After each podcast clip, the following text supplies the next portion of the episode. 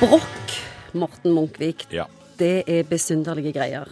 Og nesten litt sånn ubegripelig òg, syns jeg. Det er sånn innhold i buken tyder ut. Ja, det, ja men det, det er sant. Og der sier du egentlig det som folk lurer på. Hva er, hva er egentlig brokk? Og det er det det er. Det er bukhulen som får en utposning gjennom en eller annen eh, Et svakt punkt. Et svakt punkt i veggen.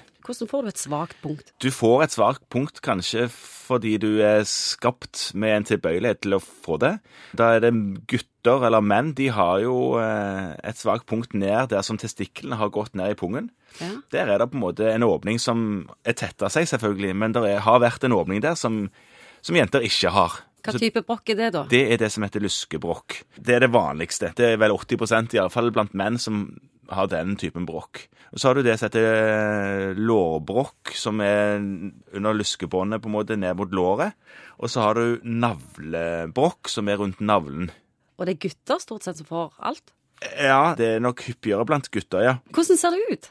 Det er en klump, forskjellige størrelser. En kul som står ut f.eks. Eh, rundt navlen, rett under navlen f.eks. En tennisball, hvis du har et stort brokk. Noen har jo en sånn brokk som du kan presse ut.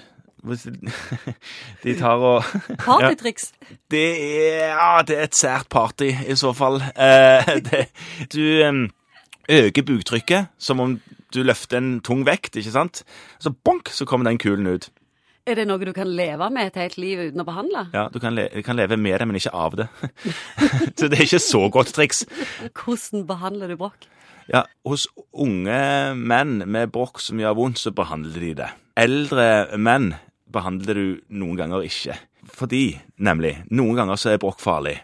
Og det er hvis brokket kommer ut, og så kommer det ikke inn igjen, og så struper på en måte brokkporten, det som brokket har gått igjennom bukhulen på, er så trangt at det struper igjen blodforsyningen til det som har kommet ut i brokket. Det er tarmer og sånt som kommer ut i disse brokkgreiene. Hvordan vet en at det skjer?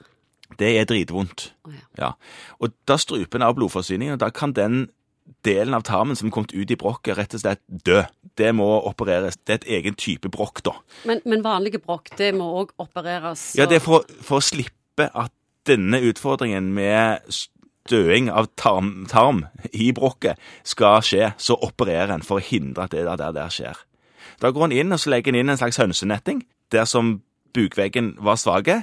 Eh, og det var tre plasser sammen. ikke sant? Det var nede i pungen, det var ut mot låret under lyskebåndet, og det var i, omkring navlen. Og den fjerde plassen er i arr, hvis en har hatt en skade som har lagd en svakhet i bukveggen. Så legger en inn et nett der, og så passer en på å ikke løfte tungt og, og sånne ting en periode etterpå, sånn at dette får grodd ordentlig til, og så, så er bukveggen sterkere, og så slipper en bråket.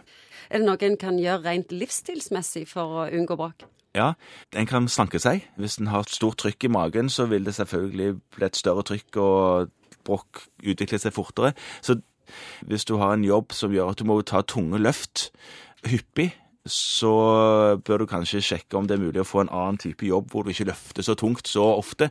Eh, Hvis du har forstoppelsesproblemer, så sitter du på do, og så trykker du mye. Sant? Det er òg noe som gjør at du lettere kan presse på deg et brokk, på en måte, fordi at du får så høyt trykk i magen. Help me